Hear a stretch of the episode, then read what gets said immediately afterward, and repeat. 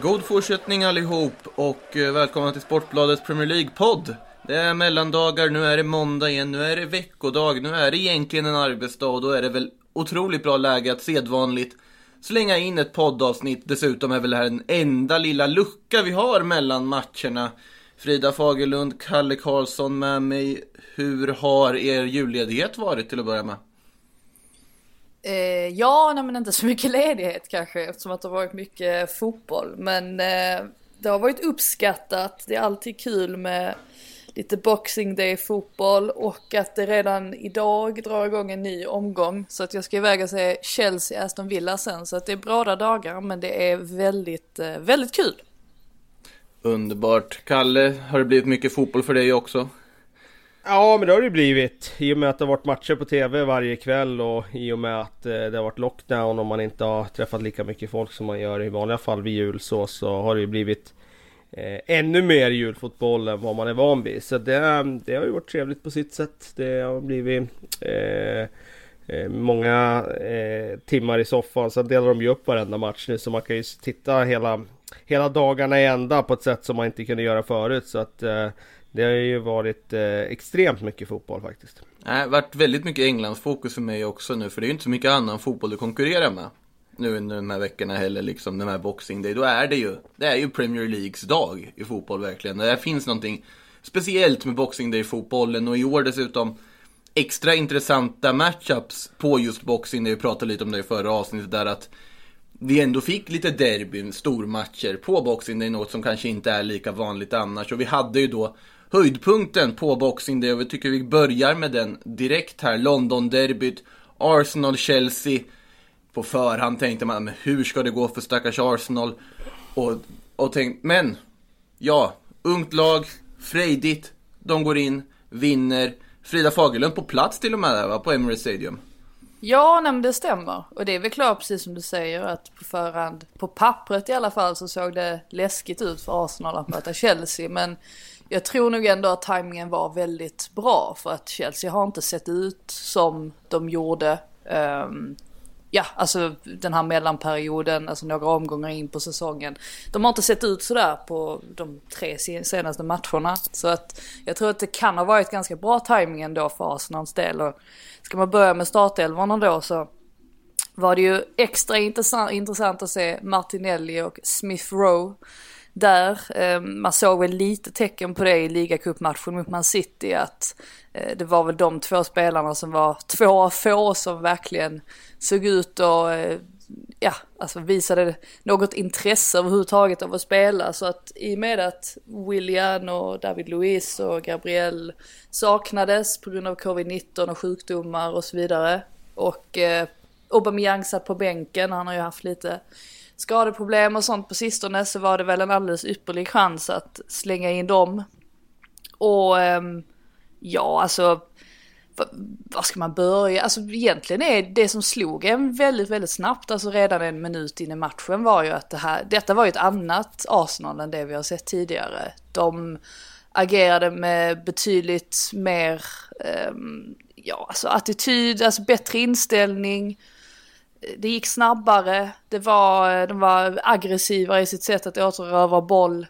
Allt sånt var det ju skillnad på. Och måste säga att man upphörs ju aldrig att förvånas över att Granit Xhaka kan ställa till med skandal och sen någon match senare så visar han alla vilken fantastisk spelare han är för att han har ju ändå det här i sig som vi nu såg mot Chelsea att han på något sätt kan ta väldigt mycket ansvar. Han blir ju lämnad väldigt ensam också där på mittfältet just eftersom att eh, El Nenni ofta droppade ner i backlinjen.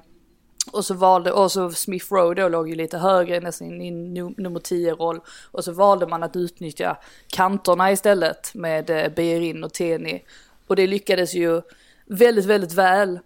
Och eh, Xhaka var ju superb då i den rollen där. Han liksom, ja men han var engagerad från minut ett och eh, men Arsenal angrep verkligen matchen på ett sätt som man inte har sett dem göra på, på väldigt länge. Och det hjälpte ju att Chelsea i sin tur var oerhört passiva. Jag vet vi kommer komma in på dem lite mer också men det var väl särskilt tydligt det här med att Timo Werner Visst, alltså han har bränt mycket och sådär och eh, haft lite svårigheter i offensiven men jag tyckte det var ganska tydligt också att han hamnade ofta fel i försvarsspelet också och Rich James och Chilwell hade ju det väldigt jobbigt så att även om det inte var så mycket kontakt mellan Tenny och James vid straffsituationen så hängde det ju i luften. Och eh, de får med sig den straffen och Lacazette sätter den. Och sen inte särskilt långt senare så eh, skruvar eller curlar eh, Xhaka in den här fantastiska frisparken också. Och så har man 2-0 upp i eh, halvtid. Och eh, alltså Lampard gör ju vad... Han försöker ju ändra på grejer där i, till andra halvlek genom att plocka av eh, Timo Werner då och eh, Kovacic var det väl och sätta in Hudson Doy, Jorginho och då blir det ju bättre. Chelsea eh, får lite mer grepp om matchen, kommer i alla fall in i det lite mer men men så kommer 3-0 målet från, alltså, fel att säga ingenstans egentligen. Jag tycker det är ganska, var ganska symboliskt för Chelseas match på så vis att Holding i princip tillåts att hitta fram till Xhaka. Han spelar bort fyra Chelsea-spelare med den passningen i princip. Och Xhaka hittar vidare ut till Beirin som hittar vidare till Saka. Ska nämnas också att de två ihop är betydligt fräschare och mer alerta att se än William och eh, Beirin. Beijerin. Det fungerar mycket, mycket bättre med Beijerin Saka på den kanten. Och det var förvånansvärt nonchalant där av Chelsea och Saka drar iväg det här märkliga ballongavslutet som seglar in bakom. Men det, och då blir det ju då blir det ju kört i princip. Det var ju dödsstöten. Sen är det klart så får ju Tammy Abraham in reduceringen där. Och sen Pablo Marie som, eh, alltså jag, jag, vet inte om man ska Marie är ju totalt livsfarlig på ett sätt. Men man, man gillar ändå att han, eh, ja, alltså han är ju lite galen sådär. Och drar givetvis på sig en straff då, men då kliver Leno fram och räddar den. Så att det var som att allting gick med Arsenal den här kvällen och allting gick emot Chelsea i princip. Men en oerhört vital seger för Arsenal såklart och nu får ju Arteta lite andrum ändå. Han har sett vissa goda tendenser från sina spelare att de faktiskt vill representera Arsenal-tröjan för att i många fall har det ju inte sett ut så. Så att ett eh, fall framåt för Arsenal, ett eh, rejält fall bakåt ändå från, eh, för Chelsea. Det blir en oerhört viktig och intressant match mot Villa här ikväll. Måste bara flika in här, alltså jag har sagt att sydamerikanska backar har någonting. Pablo Mari, fostrad, spelat i Brasilien. Det är där han har lärt sig. Men det var ju någon tackling han gjorde där som var helt galen. Ja, där han fick ett gult kort också. Ja. Det, det, är så man gör i Brasilien. Och det finns något otroligt vackert i det. Och det, det, är fint att se att du har upptäckt det här vackra i det också Frida. Ja, alltså vackra, vackra. Det, det, det är väl mest att, alltså jag, det, det man gillar med det är väl att det har ju trots allt saknats väldigt mycket inställning och sådär i Arsenal. Så att man tar ju hellre en som är lite övertänd kanske, kontra en som är undertänd, om du förstår vad jag menar. Och han var ju otroligt över... Men det var fint att se ändå när han sprang bort när Leno hade räddat straffen och han liksom rusar fram till Leno och kastar sig i famnen på honom i princip. Han var nog otroligt lycklig över att det inte, för det kunde ju ha blivit nervigt där annars ju. Chelsea hade fått in en andra reducering och det var fem stopptidsminuter kvar. Kalle, hur säker var du på den där? Att det skulle bli en Arsenal 3 där i slutminuterna? Kändes det osäkert tyckte du? Eh, ja, det kändes ju lite osäkert när de fick straffen. Innan det kändes det ju bergsäkert mm. eftersom det inte var Chelseas dag på något sätt. Eh, men vi kan ju gå tillbaka till, jag tycker det är intressant just det där med eh, spela ungdomarna och få ut det man får ut. Det är ju ett jäkla underbetyg till de andra spelarna. Eh, måste man Där. konstatera. Mm. För käns känslan är ju att de springer mer, brinner mer för det. Jag menar Emil Smith Rowe gör ju inget liksom som är extraordinärt. Men han gör ju saker som är enkelt och väldigt nyttigt för laget. Han eh, länkar samman spelet och så springer han utan han boll. Liksom. Och Ja, och jag menar bara det här med att spela, spela bollen och sen springa. För att löpa för andra. Det betyder ju så otroligt mycket och det tycker jag han gjorde matchen igenom. Det tyckte jag var någonting som verkligen gav Arsenal någonting. Sen Martinelli kan vi ju prata om hur länge som helst. Det har ju varit en poddfavorit får vi säga. Jag menar, när han var som bäst före skadan så snackar vi mycket Martinelli. Och med all rätt för att han är ju en av eh, världens mest spännande mm. spelare i den åldern. Och det var bara jättetråkigt att den där skadan kom i ett skede när man kände att han skulle ta ännu mer fart. Eh, nu har han kommit tillbaka från en svår skada och det känns inte som att han har varit borta. Sen vet man ju att det där kan vara, det kan gå upp och det kan gå ner. Men eh, det här var ju en eh, otroligt bra insats. Det är precis den typen av egenskaper som Arsenal behöver i det här läget med hans eh, framförallt frenesi, hans intensitet i, i eh, med boll, utan boll. Han är liksom, jag ser att många fans jämför honom med Alexis Sanchez. Det är ju lite det stuket på honom. att det är ju en högoktanig spelare om man säger så. Det är ingen som joggar runt och bara flyter med i matchen utan han är inne i press och han båda verkligen ner huvudet när han har bollen i fötterna och sätter fart längs kanten och testar sin ytterback varje gång. Och han orkar pumpa på matchen igenom trots att han har varit skadad. Liksom. Så att eh, Eh, nej, det är, det är två spelare som har betytt jättemycket för Arsenal att få in. Eh, och det var jättetydligt i den här matchen. Sen är det ju det där, nu ska inte jag vara den som är negativ i den här eh, liksom glädjestunden jo, för Arsenal. Men det kommer nog vara lite upp och ner med unga spelare. Det här är liksom en fantastisk prestation om man är uppe på på sin eh, kanske högsta höjd just eh, Eh, med de här unga. Eh, det kommer säkert vara veckor framöver där man är lite ojämna. Så jag tror inte man ska som några supportrar tänka att nu har vi fem enkla matcher på schemat. Nu kommer vi bara rulla på. Utan ehm, det kommer nog vara lite eh, upp och ner fortfarande. Men med det sagt så det här var ju en sån otrolig triumf med tanke på hur mörkt det har varit och sen att man tar den dessutom mot ett tippat topplag. Att man gör en så eh, en sån urladdning rent inställningsmässigt. Man får göra tre mål. Man hade ju kunnat gjort fler skulle sägas också i andra halvlek. Där fanns det ju faktiskt lägen att utöka den ledningen. Eh, och sen är det väl jäkla tur att Leno räddar den där straffen för Arsenals del. Det är ju en känsla av att även om de bara hade vunnit med 3-2 så hade det fortfarande varit en skalp. Men då hade ju känslan varit det där shit, vi kan tappa en 3-0 mm. på bara några minuter till att det blir spännande i matchen. Nu räddar ju han den och det blir fortfarande en klar seger och det blev aldrig fara på taket och så vidare. Men eh, det hade ju inte varit eh, några eh, lugna Arsenal-nerver där om den straffen hade gått i mål. Det var väl i alla fall tre minuter kvar av tilläggstiden, eller två. Det var nästan fem. Det hade ju... Ja, var det så ja, mycket kvar när straffen Det var väl precis innan tillägg va? Ja, nej, men jag tror det. Han, var det det när han väl la ja. straffen? Ja, det kanske var det. Jag tror det. Ja, du ser, fem minuter kvar då av tilläggstiden och ett mål. Det hade ju varit eh, daller på ribban, minst sagt.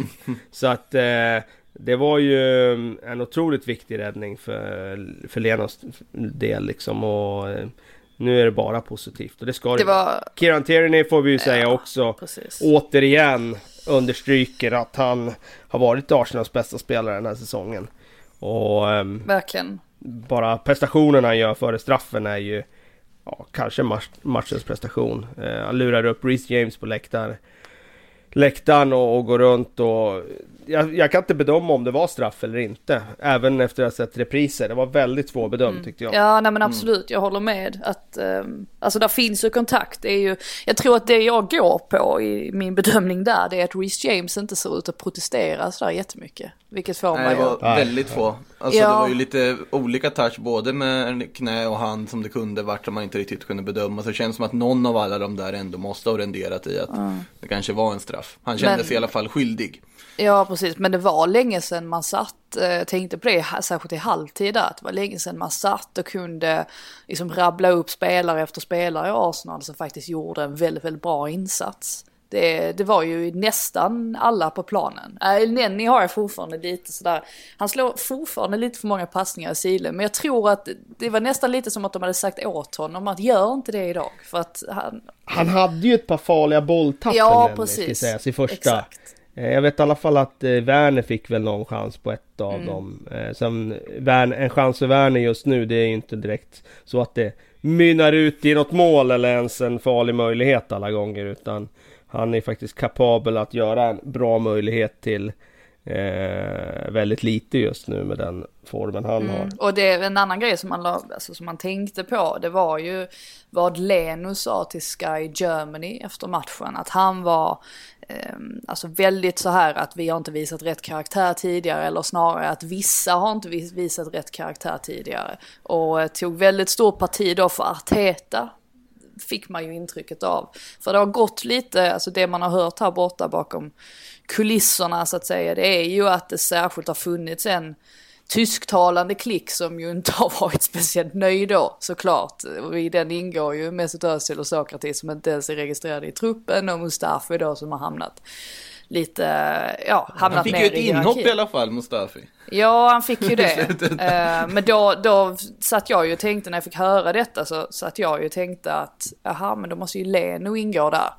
Eh, men det har ju inte han visat några, han har ju inte visat några tendenser att vara, ja, eh, missnöjd eller, eh, ja, på något sätt var eh, ja men börja tvivla på Arteta eller sådär. Så att nu känns det väl ändå som att de är på rätt väg. Men eh, det kommer ju ta ett tag att få bort de här alltså, giftiga giftigheterna kan man säga så i, i Arsenal. För att det, de finns ju fortfarande uppenbarligen. Så att eh, Edu och Mikael Arteta har ju ett ganska långt arbete framför sig. Men kan bara de här segrarna komma lite då och då så att de i alla fall inte är inblandade i någon bottenstrid så får man ju ge dem den tiden. Det lär inte bli bättre av att göra någon radikal förändring så att säga. Sen eh, Lampard var, hade ju också en uppmärksam utläggning efter matchen. Ja.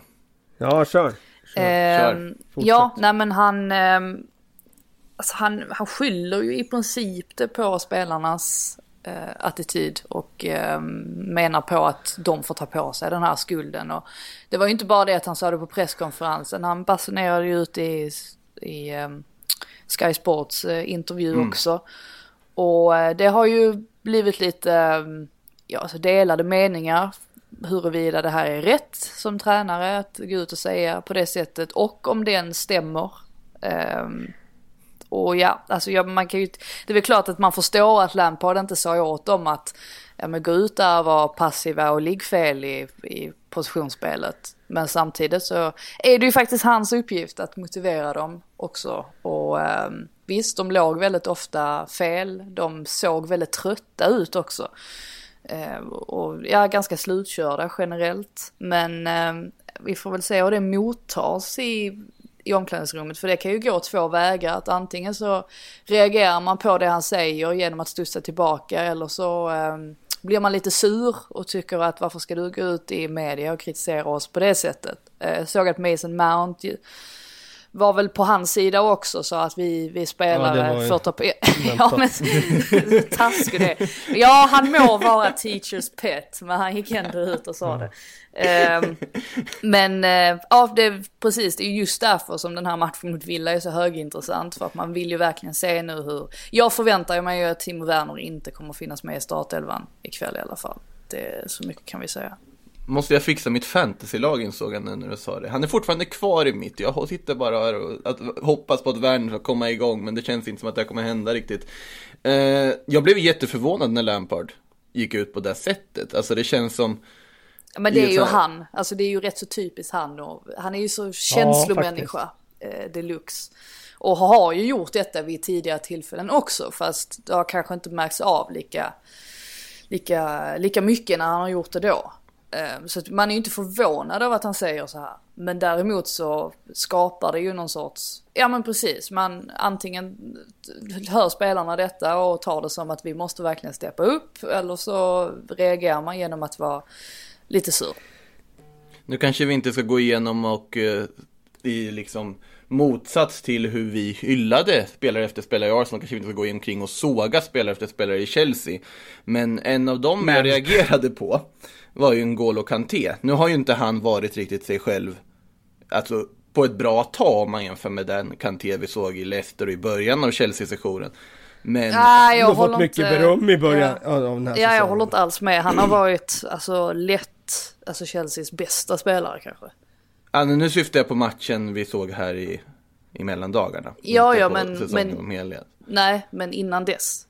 Han har ju varit bra, Ah. alltså även efter, efter Leicester-tiden och Ja, efter... jo, jo, jo, jag tror jag, tror jag, jag sa ju också i början av Chelsea-sessionen, sen hade han ju en dipp och sen så, det, den är fortfarande bra, det är inte det jag säger, men det var många bolltapp och aktioner och sånt under den här matchen mot Arsenal, där jag reagerade i alla fall på att det här är man inte van att se en N'Golo Kanté göra, att slarva med possession på det sättet och tappa boll och sånt som han gjorde, men jag kanske, kanske bara var jag. Nej men det finns ju någonting om du bara kokar ner det till den här matchen. Det var den jag syftade att på, han ska inte- tilläggas, Ja, främst. ja, men han, han hade ingen lyckad dag och han brukar ju spela väldigt enkelt och effektivt på det sättet. Eh, kanske inte den som hittar de mest linjebrytande passningarna men eftersom han spelar enkelt så brukar han ju inte slarva i alla fall. Eh, och jag tycker att han, eh, han kom inte in rätt i matchen. Eh, I vanliga fall så kommer han alltid ut med bollen men matchen börjar ju ganska tidigt med att han förlorar en duell mot Emil Smith Rowe som kommer ur den situationen Ja, väldigt fint. Han Han liksom ramlar och får ändå med sig bollen och man är inte van att se Kanté förlora en eh, hundraprocentig duell på, på det där sättet. Så att eh, det finns någonting i det. Sen är det ju det stora problemet tycker jag är Werner just nu. Eh, Havertz i all ära men Werner det är ju så tydligt att han inte just nu används i rätt position och att han förmodligen som en följd av det har tappat allt självförtroende. Nu har han inte gjort mål på 10 matcher eller något sånt där. Något i den stilen. Och ehm, man ser ju på honom liksom att han är ju kantig nu när han har bollen och det liksom Han tror inte själv på det. Ehm, ger bort den enkelt och när han kommer en mot en så det var liksom inte ens nära att han skulle gå förbi det mot Holding där i första halvlek. Så att eh, jag tror att Chelsea just här och nu är ju bättre med att ha Werner utanför elvan. Det är väl ganska självklart för alla. Eh, sen är det ju bara frågan kring vad det kommer innebära sen då för honom. För att eh, konkurrensen på nia är ju ändå ganska stark med tanke på att Giroud har varit bra, Tammy Abraham har eh, sina förtjänster. Eh, så att eh, Ja. jag ser inte riktigt liksom någon roll för honom i det här sättet att spela just nu. Man får ändå komma ihåg också att Lampard har ju inte roterat sådär jättemycket. Det är väldigt många spelare i Chelsea som har spelat väldigt många minuter. Och tycker Ja. Werner ser ju just slutkörd ut. Kanske både fysiskt och mentalt. Och att han då kan må bra av att få vila lite grann. Och eh, för jag, det är ju inte så att jag vet att vi har varit väldigt hårda mot honom och sådär men det är inte som att man tror att det här är allt han kan bidra med. Och man har, vi har ju sett honom bidra. Även, även de matcherna han inte har gjort mål i så har han ju bidragit på andra sätt genom sina löpningar och sådär. Så att det är väl klart att det här är ju inte, det här är kanske inte rätt, rättmätigt för honom. Samtidigt så, det jag har lagt märke till i nästan alla matcher man har varit på plats på, alltså Chelsea-matcher, det är ju just där hur han slarvar i det defensiva spelet.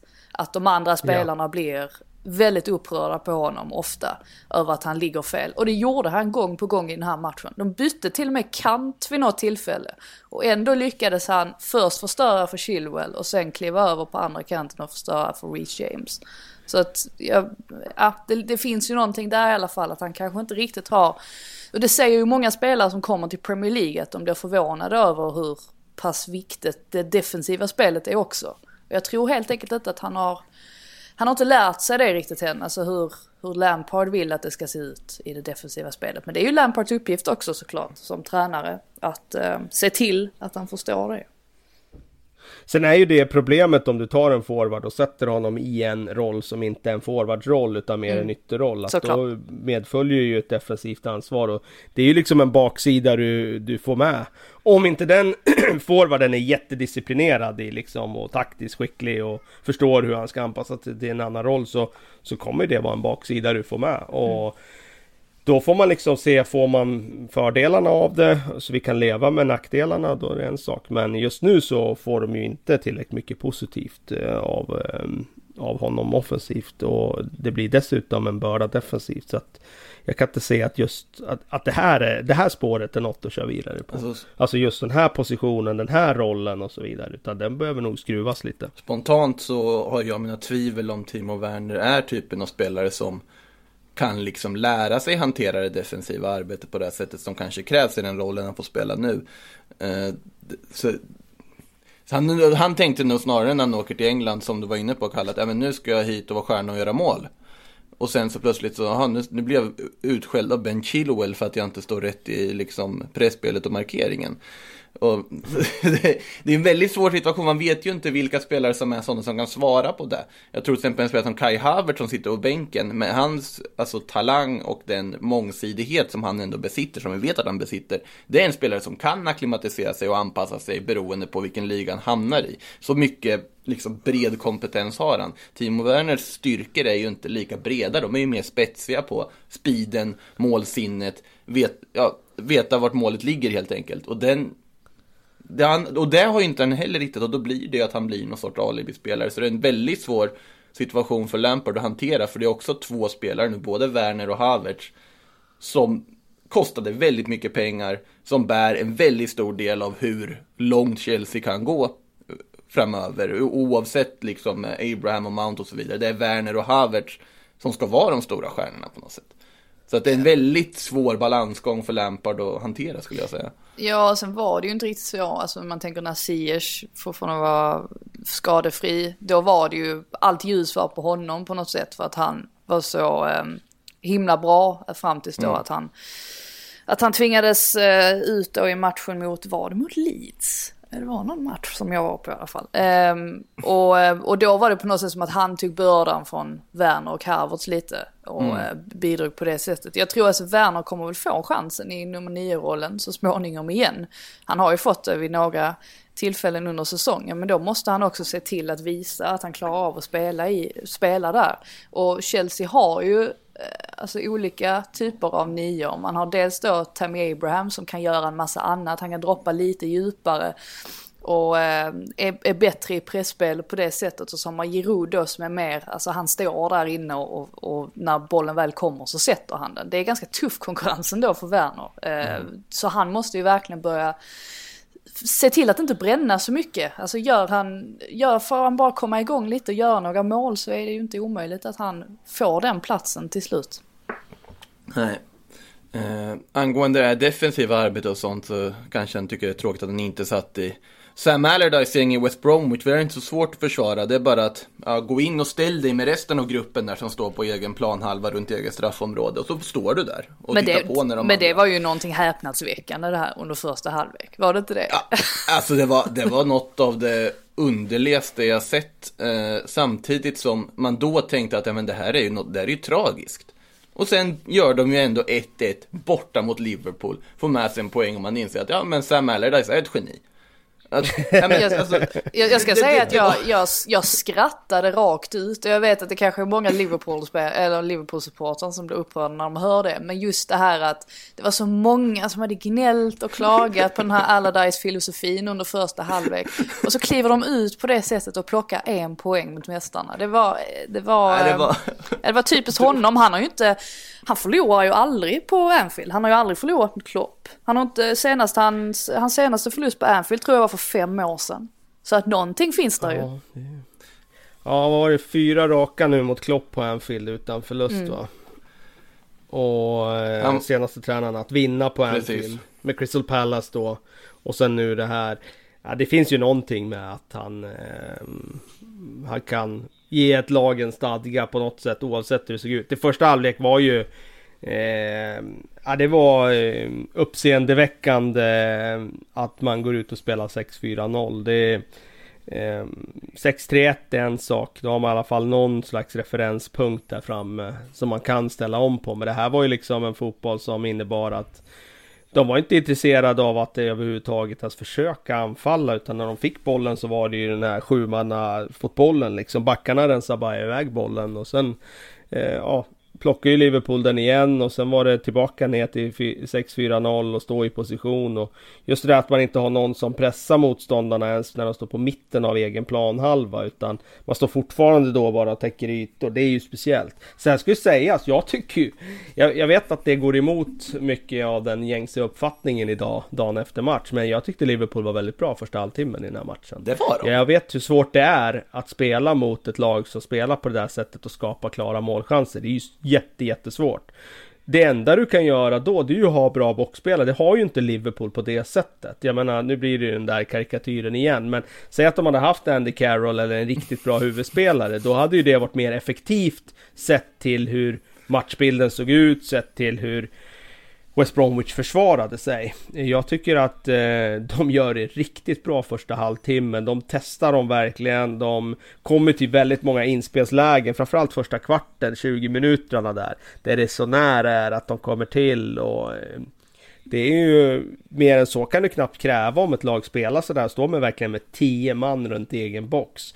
Eh, det är svårt nog när man står med två raka fyror i egen box och försvara med åtta man. Nu var det tio man. Så att eh, jag tyckte att de gjorde det bra. Sen är det klart att man hade velat haft det där 2-0 målet om man är Jürgen Klopp. För då kan man ju andas ut. Då finns det liksom ingen väg tillbaka egentligen. Det var i alla fall känslan. Mm. Sen eh, var, jag tror att det ingick i matchplanen från Allardyce att eh, vi ska bara överleva eh, så länge som möjligt i den här matchen. För det gjorde ju inte Crystal Palace en vecka tidigare utan de var ju redan borta vid paus. Mm. Utan här handlar det bara om att överleva så länge som möjligt, vara kvar i matchen, satsa på att få en fast situation. Är eh, Säg att det bara är ett mål då, eller han hade väl hoppats på 0-0, men säg att det bara är ett mål när vi kommer fram mot minut 60 någonstans. Då kan det vara en hörna, en frispark eller någonting. Nu var det ju faktiskt 1-0 så långt fram som 75-80. Eh, och då hade de ju det där friläget först från Grant. Där Alisson räddade. Det var lite halvtamt avslut där. Eh, kunde ha blivit 1-1 redan där och sen eh, ja, får de ju den där fasta situationen där Liverpool då var ännu svagare i och med att Matip hade klivit ut skadad. Um, och 1-1, jag håller med dig Frida, det var ju komiskt på sätt och vis i och med att uh, det ska inte gå att få någonting från en sån där match. Samtidigt är det ju så typiskt också när när man på något sätt vaggar in motståndarna i en slags så här mm. Ja, det var ju det som gjorde Det blir som så här träningskänsla, att man är på träning mm. liksom. Mm. Och då när man väl har gått ner eh, i det i tempot och sådär och motståndarna sen skriver upp, för det gjorde ju faktiskt West Bromwich efter paus, då klev de ju fram på ett helt annat sätt. Och de hade ju faktiskt lite så här tillstymmelse till lägen i minut 45 till 60. Då fanns det ju några avslutslägen där och de var ändå där och hotade lite grann. Då kände man att ja, men det lever ändå det här. Konstigt nog, för att det borde ju inte ha gjort det. Eh, så därifrån kändes det inte så här som att det var omöjligt. Men i första halvlek då tänkte man ju att det här, det här kan bli en ny 7-0. Så kändes det. Framförallt när de gjorde det där tidiga målet. Men sen är det ju skadan på Matip också som påverkar en del. För att han var ju, han var ju bra i matchen fram tills dess. Eh, både Verkligen. i det defensiva spelet men också det offensiva. Så att det, Reece Williams kommer in och alltså, ja, det, det såg inte sådär jättebra ut. Um, Nej, han blev ju frånsprungen väldigt enkelt där. Jag betecknar inte Grant som ligans snabbaste spelare nej. heller. Han kanske är snabb, men han är ju inte så, så att man har tänkt på honom som någon spelare som bara blåser förbi försvarare. Och han sprang ju verkligen förbi honom.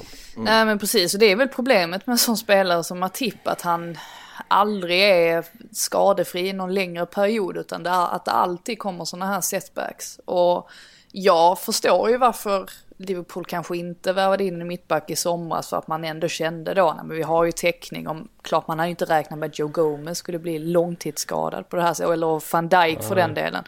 Men nu är ju frågan, nu i januari så är det kanske på sin plats ändå att eh, se till att man rekar eh, rätt rejält och hitta någon i alla fall. För att så här kan man ju inte fortsätta någon längre tid. Alltså då får man ju nästan sälja Matip istället.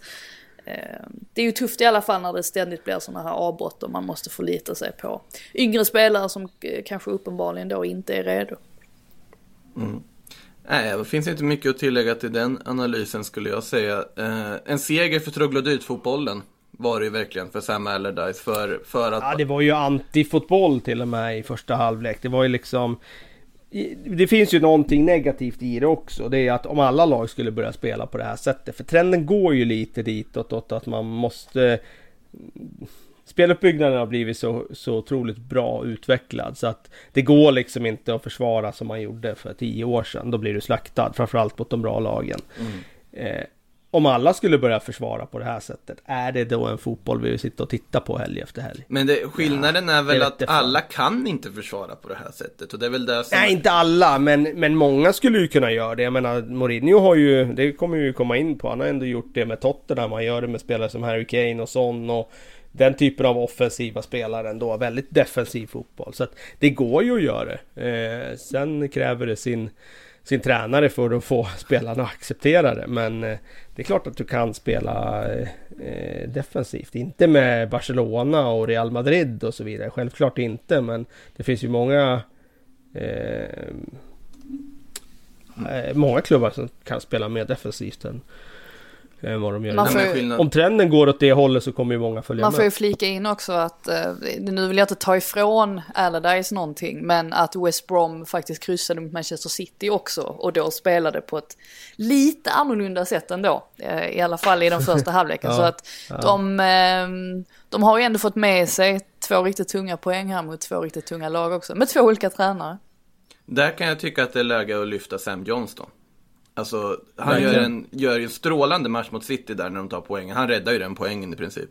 Och här också, sista nicken där är en riktigt kvalificerad räddning som han får till där också. Ja, det får man säga. Eh, Han- han är- Ja. Ja. han är ju en av få målvakter som faktiskt har stuckit ut under hösten. För vi har ju pratat mycket om det här att eh, alltså målvakterna generellt, att det inte har varit lika många som har varit bra på det sättet och utmärkande. Men eh, absolut, jag håller med. Han har verkligen överträffat förväntningar, måste man säga. Får hoppas att han inte blir kallad till landslaget nu i vår så att han plötsligt börjar underprestera efter det också. Eh, så att han håller, håller sig på hög nivå. Det brukar ju bli så med landslagsmålvakter i England att de, de spås en lysande framtid och sen går det inte lika bra efter ett Ja, fast Nick Pope har ändå varit hyfsad sen han halkade in på ett bananskal i, i landslaget. Han har ändå lyckats Ja, hålla men, sig på. du kan, han kommer nog att dippa förr eller senare också, jag har sett det förr.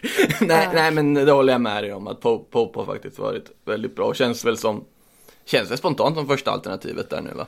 Inför, Nej, liksom, jag tror att Southgate fortfarande håller Pickford etta, men eh, vi får väl se. Det tror jag också. Sen om man borde göra det, det är Ja, nu, syftade jag väl snarare på ett borde här då, om vi tänker vem som faktiskt är bäst just nu. Men jo, det blir väl säkert Pickford som får chansen där också. Vi får se, det kan Eh. hända mycket under våren. Det kan det. Eh, vidare då till eh, de matcherna här som är närmast i minnet kanske. Wolverhampton hemma mot Tottenham. Slutade också 1-1, precis som Liverpool mot West Bromwich som vi pratade om innan ifall ni undrade vad vi hoppade över till och inte har någon koll på hur matchen har gått. Men det tvivlar jag på att ni inte har sett någon fotboll om ni lyssnar på det här. Eh, Wolfsburgs i alla fall också 1-1. Eh, jag tyckte faktiskt, jag var ganska imponerad av Wolves.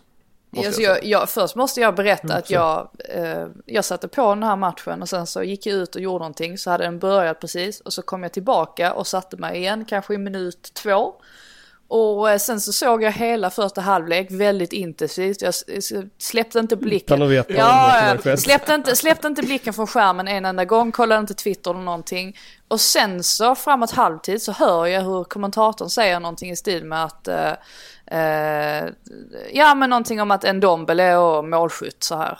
Och jag bara tänkte va? va? Och så tittade jag på resultattavlan. Jag hade inte fattat att Tottenham ledde. Alltså första gången det har hänt, alltså att jag har suttit så lång tid och inte fattat att de ledde med 1-0. Så det, ja, det var ju, det var ju överraskande, men jag fick ju se målet sen i, i, i highlightsen. Så att jag, eh, jag, jag är med på eh, vad som hände i alla fall nu. Då blir det nästan mer intressant att höra din analys av första halvlek utan att veta om resultatet.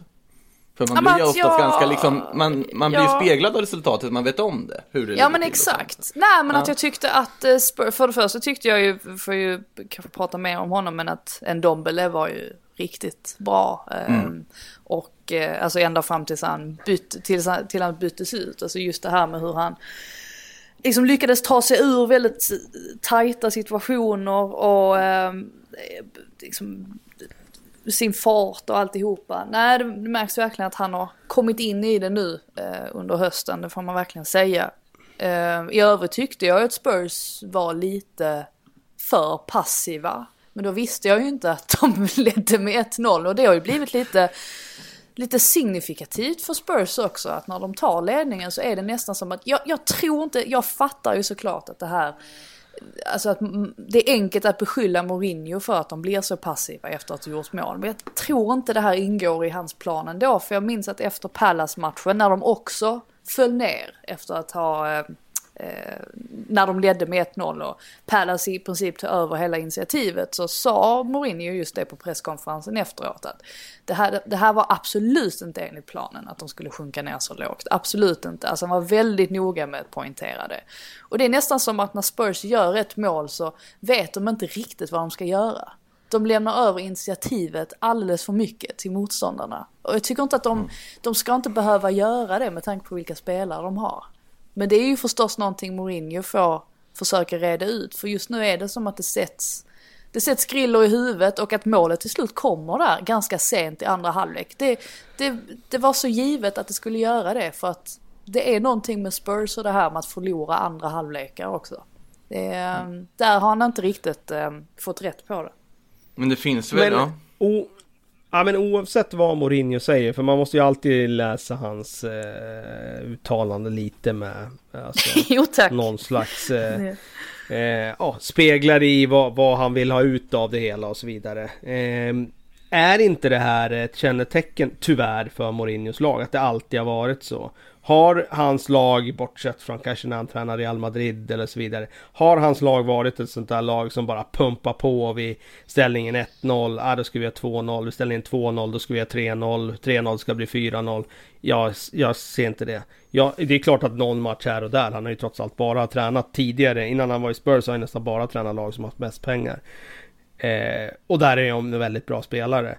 Men jag ser det som ett kännetecken för honom att vid ledning så kommer hans lag sällan ha det där grundspelet för att bara pumpa på framåt. Utan då handlar det mycket om att stänga till och ställ, vara tight defensiv, hålla nollan och sen ställa om och straffa motståndarna på det sättet. Jag tror att det, det, är det här du får när du anställer Mourinho. Jo men jag tror, inte att, jag tror inte att han själv vill det. Jag tror inte att han själv vill att det ska se ut så här. För det är ju det första han säger Nej, efter alla men... matcher. Att här... Fast det blir i alla fall, alltså Nej, det är klart att han inte vill släppa in ett 1-1 mot Pallas och i den här matchen och tappa initiativet. Men det blir ju också en följd av vad han använder för retorik till sitt lag. Mm. Om, han, om retoriken är att vi måste vara noggrannare defensivt så vi inte släpper till det här och det här. Eller så trycker du på att nu ska vi fortsätta pumpa på framåt för att göra 2-0. Eh, du får ju ofta ut det som du trycker på. Och det blir ju det som, som sen speglar ditt lag kring vad du, vad du använder för retorik. Och det, det kan vara liksom bara vara liksom Det kan vara små, små saker som gör det. Eh, och, och, om retoriken är att vi ska inte bjuda på några defensiva omställningar, vi säger det. Mm. Eh, nu när vi leder med 1-0. säg att det är pausnacket, att vi ska inte göra det. Ja, vad kommer spelarna göra då? Jo, då tar ju inte den där extra löpningen framåt för att vi ska inte bjuda på några defensiva omställningar. Och då kanske ditt anfallsspel blir lidande av det. Och då blir det, du sätter det sig någonting i huvudet kring att, ja ah, okej, okay, vi ska inte bjuda på något. Snarare än kanske vi eh, har initiativet i den här matchen. Vi ska bara, vi är bättre än dem. Vi ska fortsätta och bara göra 2-0. Jag tror att det finns någonting i det. Det är klart att han inte, när efter matchen kan inte han sitta och säga det här var helt enligt plan. Att vi bara gav över taktpinnen till Wolves, att stod och spelade defensivt hela andra halvlek och släpper in 1-1. Det är klart att han inte säger det. Men eh, han måste ju också, och han är ju så pass smart. Det är klart att han har funderat kring varför blir det så här ofta för hans lag. Då måste ju han göra något annorlunda för att det inte ska bli det. Och det har inte jag sett över hans tränarkarriär att han har har gjort. Och det, har ju, det är också kopplat till att hans lag har ju sällan ett spel för att dominera matcher. Det är ju väldigt sällan han har det risktagande i spelet med hur han positionerar spelare och så vidare för att dominera matcher. Det är ju mer för att vara stabila, eh, inte bjuda på någonting. Eh, tappar man bollen ska man i alla fall ha tillräckligt många spelare på rätt sida och så vidare. Och jag tror att jag tror att bara det är det här du får när du, när du anställer Mourinho. Och vinner du matcherna, vi var inne på mm. det tidigare när Tottenham ledde ligan. Vinner du matcherna, då kommer ingen klaga. Då kommer han hyllas och säga att Folk sa att han var slut då, men det är han ju inte. Titta nu liksom. Nu har han lyft eh, den här spelaren här och liksom eh, Höjbjerg är bäst i ligan i den positionen och det är tack vare Mourinho och så vidare. Det, det, det, det är ju klart att Höjbjerg kommer eh, få ut sina egenskaper i Mourinhos fotboll och så vidare. Men jag tror att det är ändå det här man får. Sen ska jag säga, jag ska hålla upp handen och säga att jag trodde ju för en månad sedan att Tottenham skulle fortsätta klara av att försvara sig och använda det där omställningsspelet som var så otroligt bra första månaderna i serien och straffa lag. En sån här match mot Wolves till exempel så trodde jag på att de skulle klara att kontra in en boll till. För så pass mycket skicklighet har de ju på individuell eh, kvalitet och spelare att de borde kunna göra det. Men nu gör de inte det. De får inte det där 2-0 målet och då kommer det ju leva hela vägen in och då finns det alltid risk att man tappar det på, ja, på det här sättet som man gjorde nu.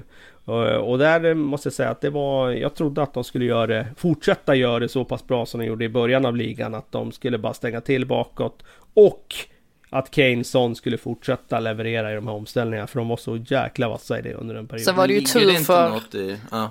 Sen var det ju tur för eh, Spurs också att Raúl Jiménez fortfarande inte är tillgänglig för spel för att Verkligen. hade han spelat istället för Fabio Silva då tror jag ju inte att Tottenham hade åkt hem med en poäng. Det är ju ganska tydligt att Silva har tagit sig lite vatten över huvudet där. Att han, eh, Han är kanske lite inte borde... valpig. Ja, han Det är borde... den man får. Nu har de ju inte så många alternativ men Nej, nej, man, eh, han borde ju inte, alltså man förstår varför de försökte slussa in honom lite långsamt för att som sagt den där chansen han får där med bara någon minut kvar det är ju, det är ju så givet mål egentligen om det är någon mer Ja. rutinerad striker som Ja, står. så är det. Och det är så tydligt också nu att Wolves, jag måste hylla dem. Jag tycker de är riktigt, riktigt bra i den här matchen. Mm. Jag tycker Neto har vi ju hyllat tidigare, men han är ju helt fenomenal verkligen. just nu. Det är ju, måste ju vara en av höstens bättre Någon, spelare i någon ligan. måste ju Han- plocka honom ju. Ja, han är helt otrolig. Och jag tror att supportrarna i Lazio, de eh, eh, har ju svårt att förstå det. För att han spelar ju inte många minuter när han var där. Och de har ju knappt något minne av honom där i, i Rom. Eh, och så släpper man honom. Eh, och jag tror inte att det kostade massor av pengar då heller. Men eh, jäklar vad bra han är just nu. Verkligen. Eh, det känns som en sån där spelare som allt han gör är bra. Eh, även när han gör det enkla så, så liksom, då är det väldigt rätt alternativ varje gång. Och eh, sylvass framåt. Eh, och den, sen tycker jag på Dens, han är ju underbar att skåda. Det är ju en lirare av stora mått. Och de två ihop nu, det, då har de ju allting för att skapa chanser. Men sen är det ju som Frida säger där att de behöver ju någon killer där inne i boxen. Och det har de ju inte just nu. Vilket gör att Wolves kommer ju förmodligen ja, se ut lite som de har gjort nu. Att de vinner ibland, de förlorar ibland och de kryssar rätt mycket. Och mm, det mm, kommer ju inte ge några eh, ja, topplaceringar i tabellen. Såvida de inte får någon som stoppar dit bollarna där framme. Ja, jag, jag, jag, jag gillar också att, eh, att Johnny som satt på läktaren bredvid Jiménez, att han lyckades slita sig från sin mobil när eh, Wolves kvitterade. Det var stort ändå. Han, sa- han tittade inte upp många gånger under den matchen. Varje gång de zoomade in honom satte han sig vid mobil. Men när de gjorde mål så då, då slet han sig från den. Det var fint, fint att se. Ja, man kanske vill ha kommenteringen från Sky.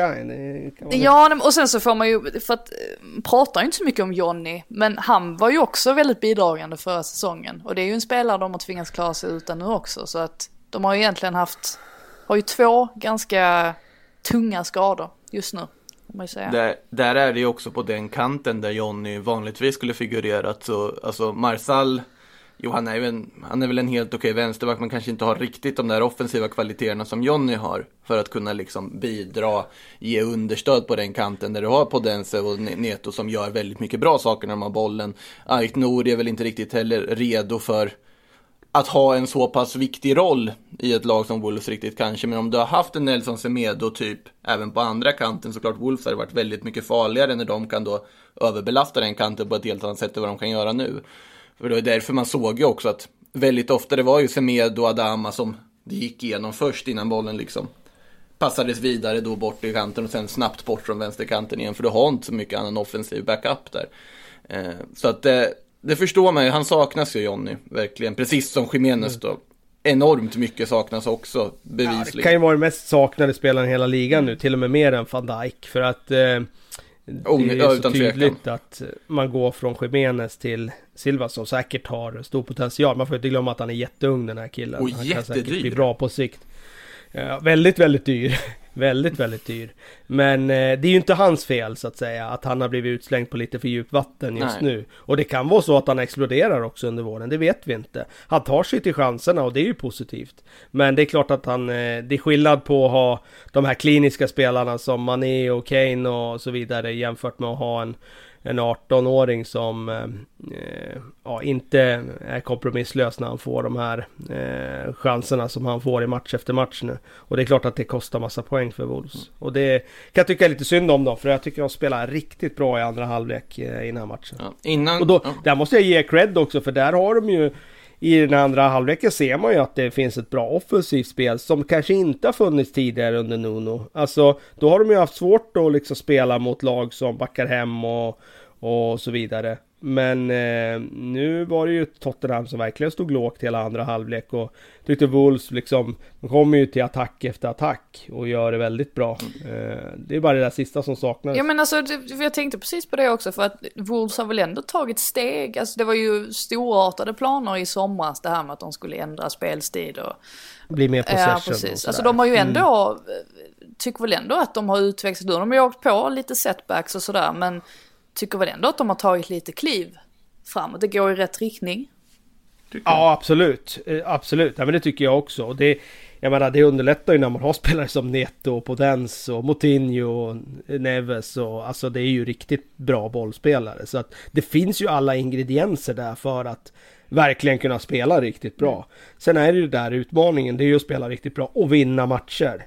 Det är inte så svårt egentligen att spela riktigt bra.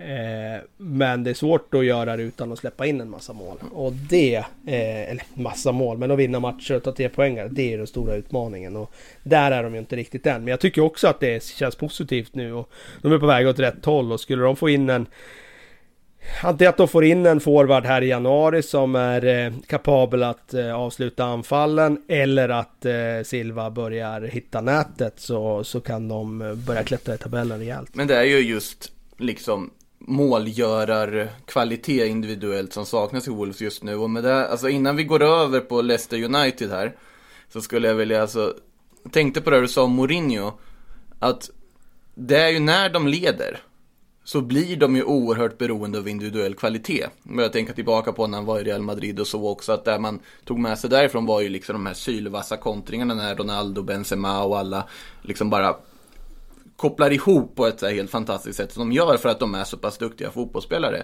När Kane och Son var i form, ja då funkade Tottenham på att de gjorde allting. Men när Kane och Son, som nu senast där då, inte såg särskilt pigga ut, då funkar inte heller Tottenhams offensiv överhuvudtaget.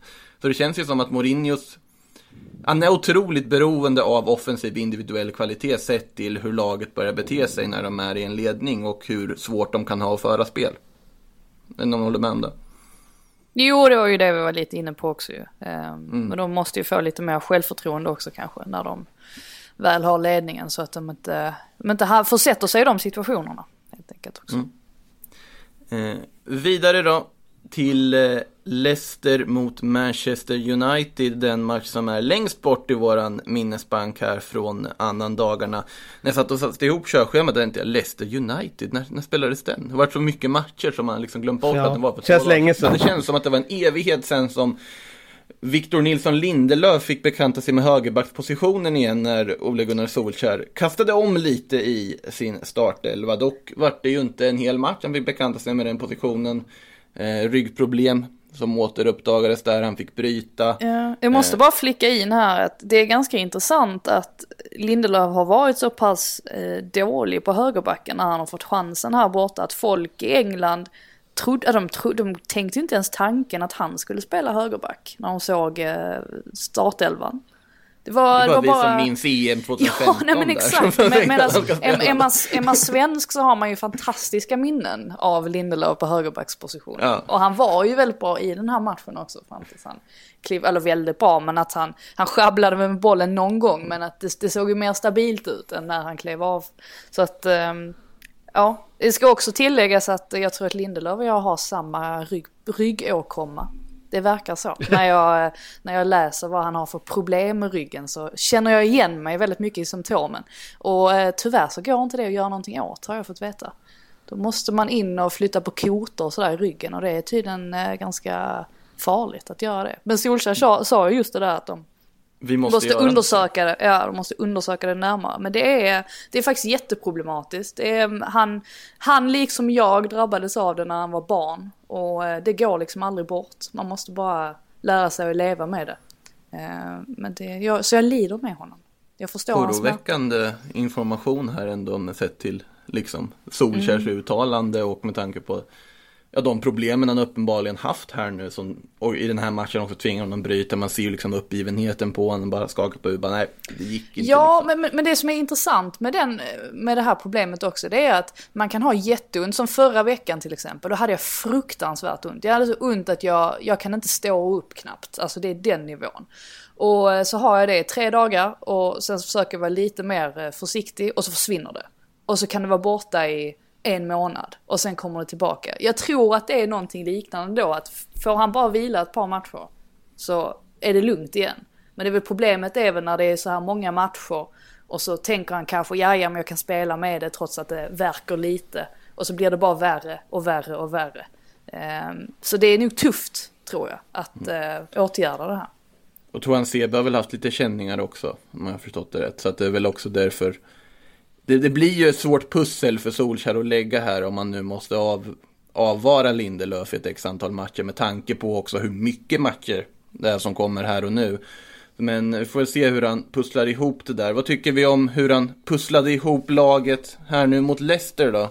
Kalle, dina tankar? Jag tycker inte det var någon dum tanke att ha Bailly på mittback med tanke på att han är den mittbacken som var enklast att matcha Vardy i en löpduell så. Och det var ju eh, ganska uppenbart att det var en av tankarna. Sen i och med att Wan-Bissaka inte var tillgänglig och eh, han ville väl inte starta med Toan Sebe så fanns det väl inte så mycket val än att spela Lindelöf eh, ut till höger där. Och jag tycker väl i och för sig att eh, det var väl inget problem med det. Jag förstår inte riktigt Paul Scholes uttalande där. Inte jag heller. Inte ville se Lindelöf på högerbacken igen. Utan jag tyckte att han var solid där. Och det är klart att om Scholes bara tänker sig att han vill ha en Semedo där som flyger fram längs kanten och dunkar in inlägg och, och så vidare. Så ja, då kanske man eh, Eh, inte får ut det riktigt. Men de spelar ju inte riktigt på det sättet utan hans roll var ju att vara kvar lite mer i en balanserande position när laget anföll. Och jag tyckte att det, det funkade helt okej för,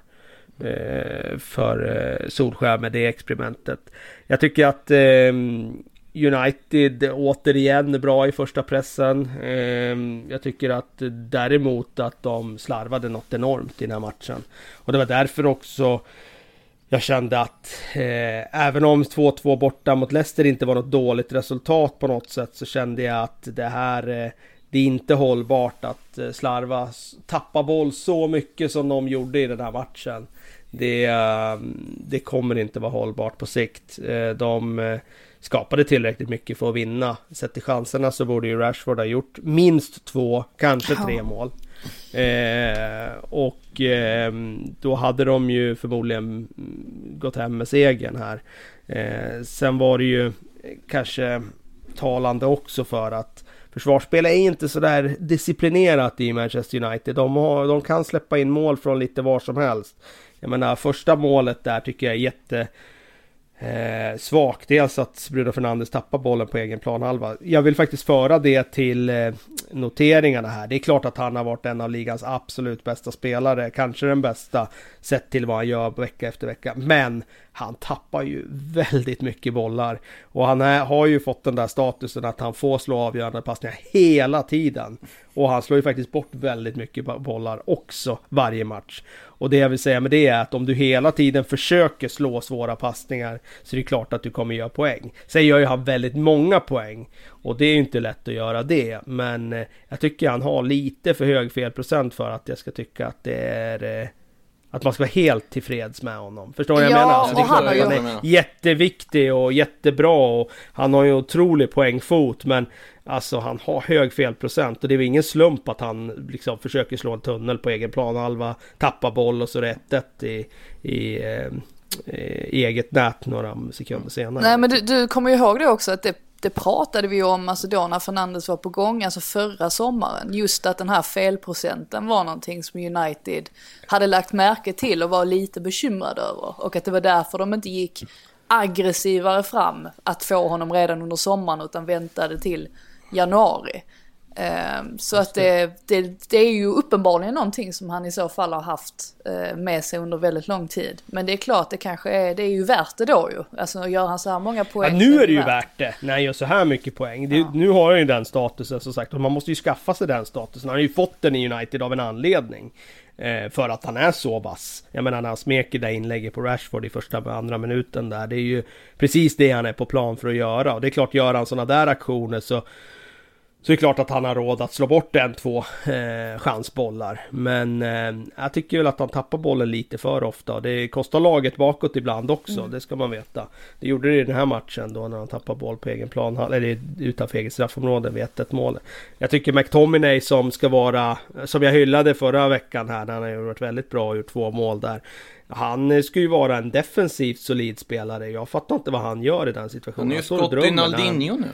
Det är ju därför. Nej, han är ju inte det. Han är ju inte det. Utan han eh, det, han, det han fortfarande borde vara en solid bollvinnare. Då måste ju han kliva fram i press där och stänga ner Harvey Barnes. Han springer bara och, och jag vet inte vad han gör. Om han springer och drömmer där. Och Harvey Barnes får ladda vänsterkanonen och, och sätta in den. Så det, det är väl också något sånt där att eh, eh jag tycker att det är lite för mycket misstag. Samma sak vid, vid deras 2-2 mål där Leicester. Att eh, jag menar det är en spelare i straffområdet att plocka upp. De är tre försvarare. Mm. Och då ska man släppa in ett sånt mål om man nu ska vara uppe i toppen och slåss, vilket vissa antytt att, att eh, de kanske har eh, möjlighet att vara den här säsongen sett till det har sett ut senaste veckorna. Ja, men du får inte bjuda på den där typen av mål. Alltså, du är tre försvarare som spelar mot en Vardy.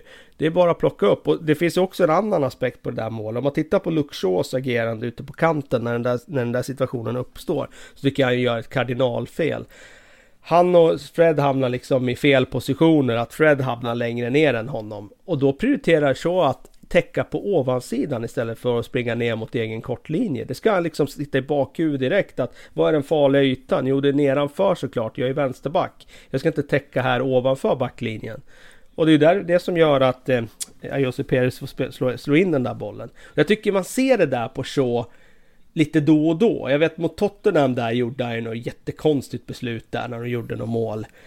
Eh, där när Son gjorde mål på första stolpen. Han har den där tendensen att göra sådana här riktigt stora liksom taktiska blunders. Mm. Och jag tror inte man har råd med det om du ska vara uppe i toppen. Och det var det jag kände efter den här matchen. Det var alldeles för mycket misstag. Eh, och samma sak med Leicester. Det är ju samma sak där. Alltså vad, vad är det för... Eh, för mål de släpper in. Kolla backlinjen på första mål i United gör. Vad gör de för någonting? Alltså den är så taggig så att liksom det, det, det är inte hälsosamt att vara så taggig. Och man prioriterar helt fel i att man blir bolltittande och visst det är lite turligt där med den där styrningen men är man inte bolltittande går man inte bort sig i det där läget. Och samma sak med, med det andra målet där, där United gör det väldigt bra såklart. De hittar igenom, Bailly hittar igenom på Cavani som kommer och möter och, och de sågar sig igenom. Men vad gör Johnny Evans för någonting? Han bara drar sig iväg så han spelar markeringsspel och drar sig iväg mot vänsterkanten. Bara öppnar upp rakt i mitten för, för Cavani att spela den bollen rakt genom backlinjen. Det, min känsla efter matchen var att det här det duger inte. Eh, det här försvarsspelet kommer de här lagen inte, kommer inte ta dem till en titelstrid. Mm. Det, är det inte dags också kanske att låta Cavani få spela lite mer? Alltså varför, ja, varför inte till och med starta honom? Eh, det måste han ju klara av. Jag, jag förstår inte alltså, om det är så att det har Alltså att det är fysiska aspekter som har med Nej, det, det att göra. Det måste vara det. Det måste ja. vara det. Mm.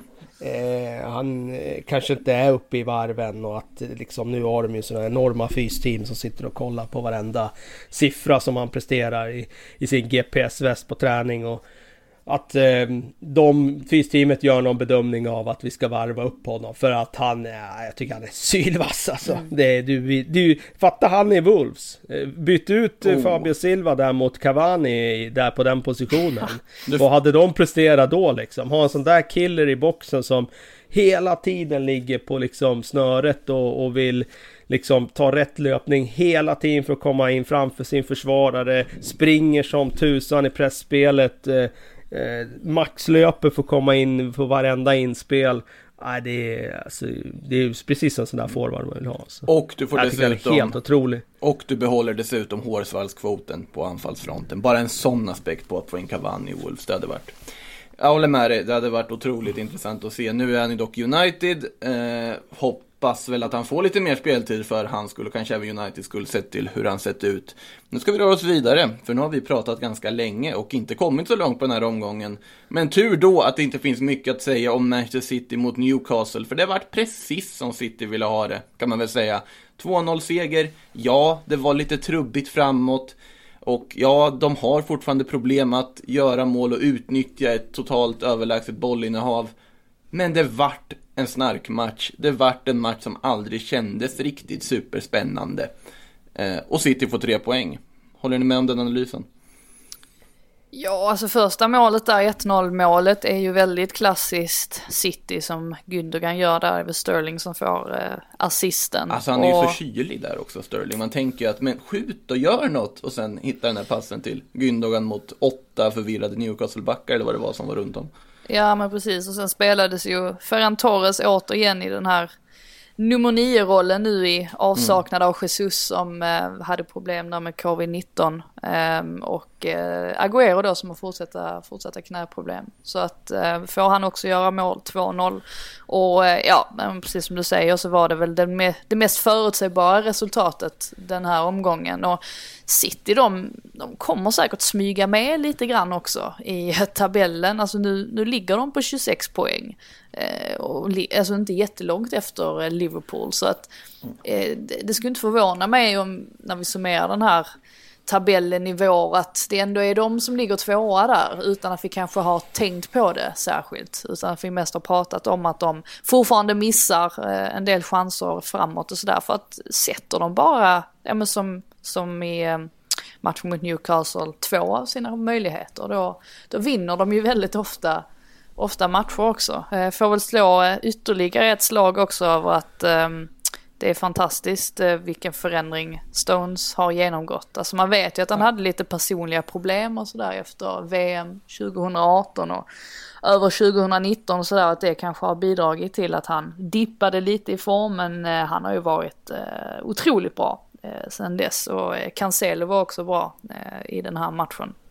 Så att, Ska... ja ska ju sägas också att man märker att City är en av de klubbar som kanske prickat absolut bäst med sina stora värvningar från sommaren. Alltså att Ferran Torres skulle ta till sig Premier League och leverera på det här sättet redan nu. Det trodde jag aldrig. Och då fattar man ändå vilken stor talang det var och vad han gjorde i Valencia. Men där känner man att det kommer ändå vara en uppstartsträcka men det här är en fantastisk affär för vad det kan ge i framtiden. Ferran Torres levererar ju redan här och nu och gör City till ett bättre lag. Och sen Ruben Diaz som kommer in i försvaret och ja, tillsammans med Stone som har lyft det också, ändå lyft hela den defensiven till en helt annan nivå tycker jag. Två kanonvärvningar verkligen hittills i alla fall på den här säsongen. Så jag, jag tror ju också att City ska vi absolut inte räkna bort än. Allt för tidigt att göra det. Eh. Guardiola var väl väldigt nöjd med den här insatsen vad jag förstår. Eh, jag tyckte att de eh, jag tyckte att de såg ganska fina ut. Mm. Ja, inte spetsiga men ganska fina. Sen tycker jag det är roligt när när du beskriver det där 1-0 målet som klassiskt City-mål. Det säger ju rätt mycket om deras kvalitet om man beskriver det som klassiskt City-mål. För det är inte många lag som överhuvudtaget gör sådana mål mer än en gång vart tredje år. Att man har typ 25 passningar inom laget och sen bara trär upp en motståndare, spelar in den till någon som sätter den i upp en kasse i stort sett. Eh, eller i alla fall har mm. spelat bort eh, målvakten så att säga. Eh, Ah, det, det, det säger någonting om deras kvalitet att man ser, ser det som ett klassiskt City-mål. Mm, ja. Verkligen. Eh, vart det några klassiska Aston Villa-mål på Villa Park mot Crystal Palace skulle ni säga också då? Ja, alltså den här måste jag ju nästan kliva fram och ta för att jag... Nej, jag... Den. Jag, ja, men dels kanske det då. Eh, men, men också eftersom att jag var ju, alltså jag var väl inte jättehård mot Dean Smith i förra avsnittet. Men det, det var en läsare som skrev till mig på Twitter och fick mig ändå att börja fundera över varför jag var så skeptisk till Dean Smith fortfarande. Trots att Aston Villa då har sett så ser så bra ut som de har gjort i höstas. Så jag landade väl lite i att jag fortfarande är lite skadad av Aston Villas eh, avslutning på förra säsongen och att de trots allt var så pass nära att åka ur. Att det var, mm. det var väldigt, väldigt små marginaler. Så att jag eh, gick in med eh, det i bakhuvudet när jag skulle se den här matchen och tänkte väl att nu kommer väl Pärlas, visst det är ligans yngsta då, Villa, eh, lag mot seriens äldsta i Palace. Men man tänkte väl ändå att Palace kanske skulle studsa tillbaka på något vis efter den här storförlusten mot Liverpool. Men det gjorde de ju absolut inte. tvärtom. Det är ju helt otroligt egentligen att alltså, först eh, Traoré gör 1-0 där och sen så blir Mings utvisad eh, strax innan halvtid och ändå lyckas inte Pallas komma tillbaka utan Aston Villa kan utöka ledningen och sen så El Ghazi då som äh, sätter sista spiken i kistan i 70, äh, eh, sista spiken i kistan i 76 minuten.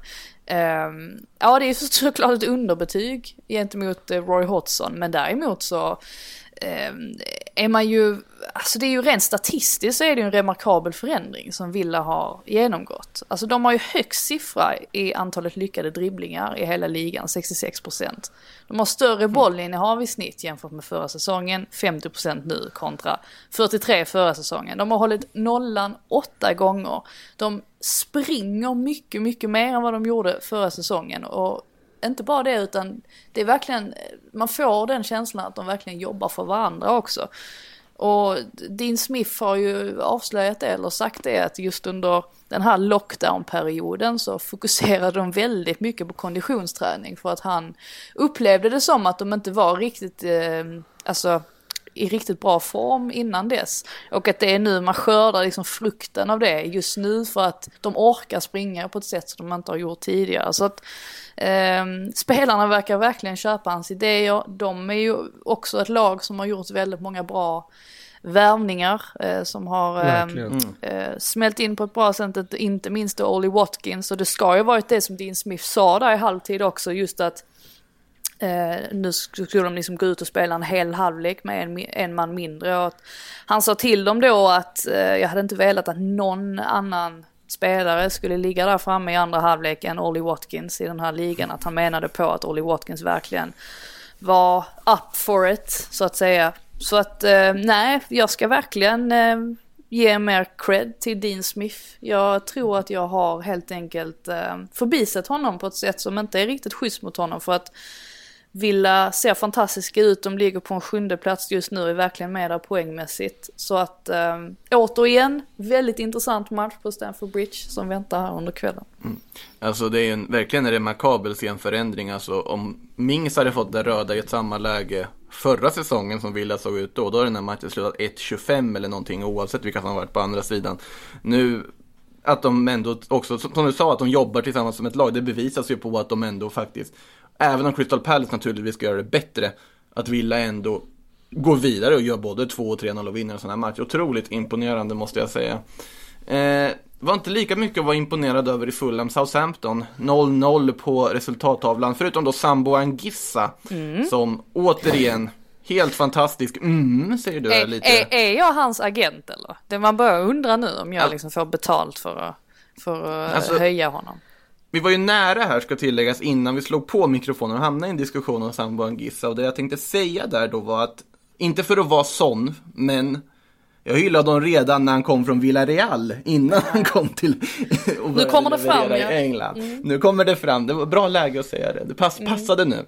Mm. Nej, men strålande var han, Southamptons effektivitet inte lika strålande, lyckades inte få hål på det här Fulham, båda lagen får nöja sig med en poäng. Och eh, Sheffield United mötte Everton hemma, fortsätter att inte ta poäng och inte ta segrar nu i och med den här 0-1 förlusten. Gylfi Sigurdsson avgjorde där i 80 minuten. Så är faktiskt Sheffield sämst på 45 år i alla de fyra högsta ligorna i England sett till då, alltså säsongstarter. Det är bara två lag genom, genom historien i de fyra högsta ligorna som gjort lika dåliga starter på säsongen som Sheffield United har gjort. Och då får vi gå ner till League 2, till fjärde divisionen för att hitta dem. På 70-talet dessutom. Det, det ska nämnas också att, ja, det, ja absolut, men det ska nämnas också att han faktiskt tweakade, tweakade, tweakade spelsystemet i den här matchen för första gången. Eh, alltså från det här vanliga 3-5-2 till 3-4-1-2. Eh, vilket ju visar att han trots allt är öppen för att testa någonting annat. Men eh, de fortsätter. Det var ingen stor förändring. Nej, det var, nej, men problemet, problemet är väl också för, För att det är många... Var det där.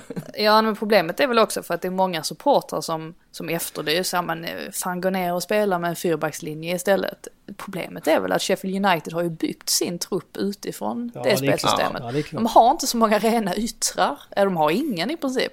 Och ehm, så just därför så, ja men så just därför så funkar det ju inte riktigt att, att ändra, alltså med särskilt drastiska förändringar. Men här, här gjorde han ju i alla fall eh, ett försök. Men det är ju återigen det här att eh, alltså avsluten sitter ju inte och han har ju inte Ja men de är inte riktigt motiverade, eller motiverade är de väl men de, de har inte tro på det de gör riktigt. Ehm, och uh, tänk man kan ju dra en parallell där med det Chris Wilder sa efter den matchen ihop med vad Lampard sa att just att Lampard alltså, sa ju det att men det har ingenting med taktik att göra utan la över all skuld på, på spelarna. Det, det gör Wilder också fast inte på det sättet utan han Men är gör mer det här att- mysigare.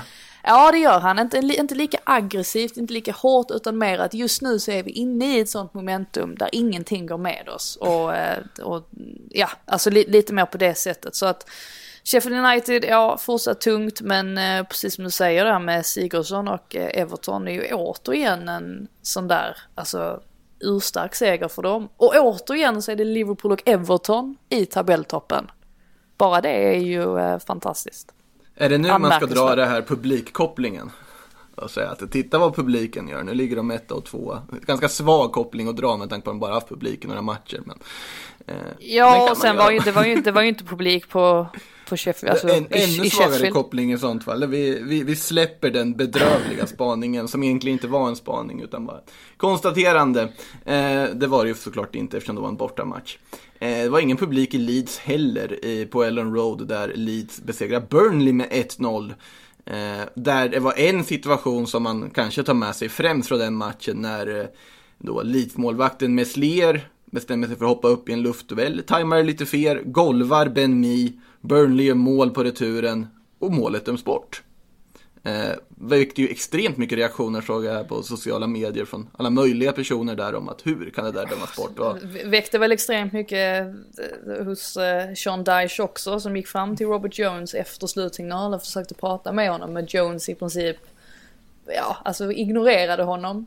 Det, det tror jag inte man gör. eh, Jag tror, jag tror inte att det är en bra taktik mot just Sean Dyche så att säga att eh, ignorera honom på det sättet. Men han var ju helt, helt fel ute såklart. Alltså det är ju, det är ju Melier som, det är ju han som eh, gör fel där som går upp i ryggen på Benmi. Benmi har ju ingen aning om att han kommer där. Och det var väl så också att hade inte Jones hunnit blåsa så hade ju VAR klivit in där och godkänt det målet. Men de kunde ju inte göra det just eftersom att han blåste. Så att eh, det var väl lite, ehm, lite diskussioner också kring eh, straff, eller Bamfords straffmål där. Ju, eller Sean Dyche hävdar i alla fall att det absolut inte var straff. Den kan man ju, den är ju lite mer, den går ju att diskutera ändå. Eh, men eh, kvitteringsmålet skulle ju absolut godkänts såklart. tung förlust för Burnley blev det dock istället och vidare då till West Ham Brighton, den match vi har kvar som vi inte har nämnt. Brighton gör mål, Frida. Två stycken. Per gör mål. Ja, till och med det. De var ju lite till skänks dock, båda målen. Det var ju Ja, det var ju, Declan Rice spelade ju fram mot Per där, det är ju svårt att, till och med svårt för honom att, att missa då. Eh, Ja, nej men alltså här går ju David Moyes bort sig helt i första halvlek får man eh, Ja. konstatera. Och eh, det är väl lite så, alltså tyvärr, alltså jag vet att det är, är tungt om man håller på West Ham, men Mark Noble, han eh, måste börja fasas ut. För att det, det ser inte, han är inte riktigt, eh, han har inte riktigt där att göra längre. Och han har särskilt inte att göra i en match där, jag förstår inte varför Moyes Alltså hade en sån defensiv approach. För att Brighton absolut, mycket possession. De är väldigt duktiga på att spela sig fram till sista tredjedelen. Men han måste ju ha sett att Brighton också har väldigt stora svagheter. som West Ham i sin tur eh, inte har.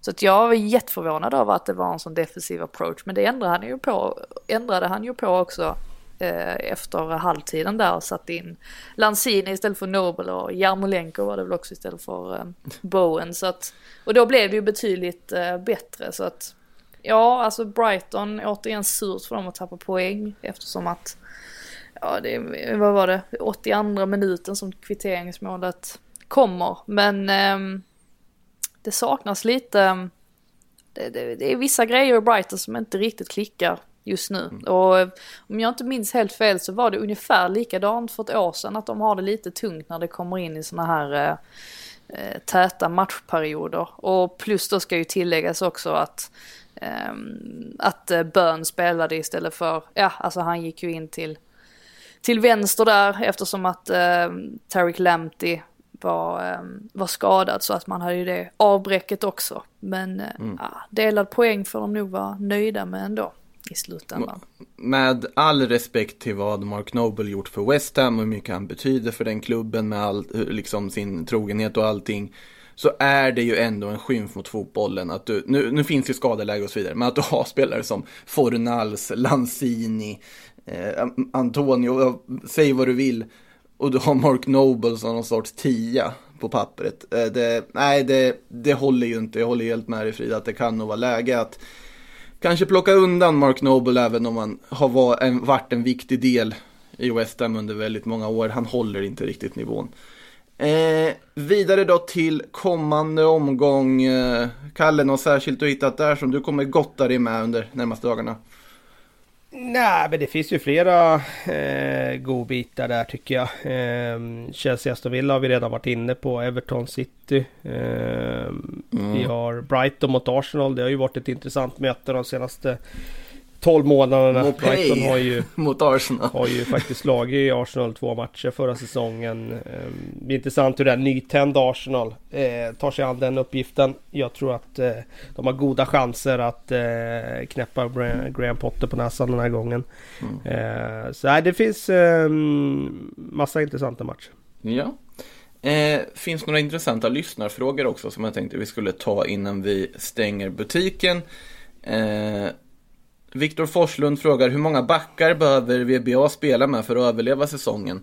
Ja, det känns, det känns ju som att ja, det går mot, Liv, mot Liverpool så funkar det med lite marginaler på rätt sida och så vidare också med tio stycken. Eh, jag tror att nu möter man ju Leeds här i nästa omgång kan tänka oss att vi kommer ha en defensiv approach på eh, West Bromwich även i den matchen. Men samtidigt så om de ska ta poäng nog för att klara sig, då måste de ju börja liksom spela offensiv fotboll ibland också när det krävs. Och det är då det blir intressant att se hur de hanterar det. För truppen i sig är ju svag fortfarande. Så att, eh, äh, vad, vad säger vi? Kommer vi få se fler sådana här defensiva murar från Sam Allardyce tror ni? Jag tror inte vi får se någon sån extrem defensiv som det vi fick se nu på Anfield. Utan de hade sån enorm respekt för Liverpool och kände att det här är det bästa sättet bara att överleva eh, så länge som möjligt i matchen. Jag tror inte vi får se det i någon mer match. Det är, rätt, det är jag rätt säker på. För att det är inget annat lag som han har så mycket respekt för. Och han behöver inte ha det heller. Mm. Eh, reptil... Han borde inte ja. haft så mycket respekt för Liverpool heller faktiskt. Det var lite väl. Och det var lite extremt. Han är fortfarande ett geni dock. Det, det, kan man inte ta ifrån honom. Ja, du säger det. 1-1 borta mot Liverpool då, och efter att ha vaskat första halvlek. Så då, det, det, tycker jag nästan geniskap faktiskt. Även om det var fruktansvärt att titta på stundtals och kanske inte så bra för fotbollen i allmänhet. Så var det ändå genialiskt. Eh, reptilfanatikern frågar, är det inte dags snart för ett ägarbyte i West Ham? Hört att många ogillar ägarna, liten frågetecken i parentes också. Och han föreslår även en potentiell ny ägare, Steve Harris, basisten i Iron Maiden som är ett stort West Ham-fan. Eh, jag säger väl absolut ja till ett Iron Maiden Act West Ham. De har ju redan kört så här collaborations med egna så här, Iron Maiden-matchtröjor där Sabaleta fick stå med en gitarr och grejer på reklamgrejerna. Intressant. Men vad säger vi annars om West Hams styre? Alltså, som sagt, de... Det ser ju inte helt... Alltså, man är ju van vid att såga West Ham och att de inte har några framtidsutsikter och så vidare. Och nu med David Moyes så är det ju extra enkelt att sitta här utanför och skratta lite gott. Vad säger vi om West Hams situation? Nej, men att det såklart har blivit bättre än vad de hade kunnat föreställa sig här under hösten i och med mm. att resultaten ändå har gått med dem. Ehm, så att den här debatten från i somras och det här med att Mark Noble eh, anklagade dem för att inte eh, alltså bygga långsiktigt och genom då att släppa Diangana bland annat. Ehm, mm. Det har ju lite kommit på ehm, det är ju ingenting man pratar om längre egentligen. Eh, utan Nej. nu har det gått så bra för West Ham. De ligger ändå så pass högt upp i tabellen att den har försvunnit lite grann den diskussionen. Men eh, ja, det är väl klart. Alltså, det här har ju snackats om i hur många år som helst och just det här att det har funnits en känsla av att eh, professionaliteten har saknats kring West Ham. Att de har försökt att bygga upp någonting men att de inte riktigt har eh, haft alla verktyg för det. Och eh, inte minst då också att de har bytt tränare ganska frekvent. Men eh, så att diskussionen har ju inte varit på tapeten på ganska länge nu. Men det skulle inte förvåna mig om det alltså snart dyker upp någonting annat att prata om. Skulle resultaten börja gå mot dem till exempel så kommer det säkert dyka upp någonting för att um, alltså Sylvan och Goldstein och allting vad de heter. De, um, de är inte de mest populära figurerna om man säger så i supporterbas och så vidare. Mm. Urban Westerberg frågar, ni var väldigt skeptiska till Carlo. Var vi? Kanske vi var. Eh, vad är det han har lyckats med hittills som ni inte förväntar er? Och då syftar han väl sannolikt på Carletto och Carlo Ancelotti. Eh, alltså det han har lyckats med till att börja med var att de faktiskt byggde ihop ett ganska bra lag när han och Brands samarbetade och gjorde en väldigt fin transfersommar. Han har lyckats att ja, även om han inte har haft samma stjärnpower som man har haft i många av andra sina klubbar så har han fått ett lag att laget att helt enkelt fungera över förväntan. Eller är det något annat ni har sett i Carlo Ancelottis Everton gärning som överraskat er? Ja, men han, är ju, han är ju skicklig på att mm. skapa ett lugn och en harmoni. Det är den enda gången han inte riktigt har lyckats med det. Det är väl i Bayern. Men annars har han ju alltid varit otroligt skicklig på det. Tycker att han eh, har hittat rätt roller för eh, många av eh, mm. spelarna och det är ju nyckeln så. Eh, jag tycker att eh, Brandt ska ju ha väldigt mycket credit för att värvningarna har ju varit väldigt, väldigt lyckade. Eh, många av dem och det eh, ska väl också sättas på Ancelottis konto att eh, spelare som har varit där i flera år och inte kanske övertygat massor som Michael Keane nu ser väldigt stabila ut. Så att eh, jag tror att han med sin italienska liksom taktiska kompetens, sitt ledarskap har varit väldigt eh, liksom betydelsefull för Everton på flera olika sätt. Mm. Eh, jag tror att han är rätt, eh, han har liksom den auktoriteten och auran för att liksom vara den största stjärnan i, i den där klubben. Betydligt större än, än spelarna som de har. Så att jag tror att han får in alla i ledet ganska enkelt. Han är ju trots allt, han har ju den auktoriteten och CVt att han är ju typen av tränare som kommer undan med att inte veta vem Luke Garbett är på en presskonferens. Jag såg att det klippet dök upp igen nyligen. Otroligt roligt om ni inte har sett det. När han inte vet vem han spelar som han har haft, som Everton har haft i klubben länge, ens är. Eh, vi avslutade ju matchgenomgången med Brightons tillställning och vi avslutar också programmet tänker jag med en Brighton-fråga. Daniel Wikström, jag tänker inte fråga om Brighton, eller jo, hur kan man vara så långa men inte kunna nicka bort en boll? Och han syftar ju då på, ja. på det sista målet. Ja. ja, de är ju svaga på fasta situationer och det borde de verkligen inte vara. Nej. Så det är, det är ju någonting som Potter eh, behöver fundera kring. För det vet jag att han hade problem med även i Swansea. Eh, just defensiva fasta situationer. Mm. Man kan ju inte göra så mycket om man har ett kort lag. Alltså om du är Barcelona eh, när de var som bäst så, så kommer du automatiskt ha svårt på defensiva fasta. Men är man Brighton och har Louis eh, Dunk och man har Dan Burn och man har liksom några långstånkar till, då ska man vara bättre. Ja. Man hör ju på namnen att de borde vara bra på fasta, om vi säger så. Eh, känns det ju som i alla fall. Nu ska vi bara ladda för mer fotboll. Drar vi igång här nu om inte allt för många timmar med eh, mer Premier League-fotboll. Crystal Palace-Leicester först ut och sen eh, Frida, du ska väl bege dig till Stamford Bridge va? Ja, jag måste förbereda mig. Nej, okej, okay, det är ju jättetidig morgon här ju. Eller jättetidig, men eh, jag har ja, några timmar på mig. Så stor tidsskillnad är det inte. Nej, jag har några timmar på mig innan jag ska dra dit. Det på, påminner mig om när jag en gång på jobbet skyllde, jag var trött skyllde på jetlag efter att ha varit i Finland innan. Det var, det var Det kan man också göra. Nej, eh, med det sagt så laddar vi för mer fotboll. Tack Frida, tack Kalle, tack alla lyssnare. Vi hörs snart igen. Ha det gott, hej då.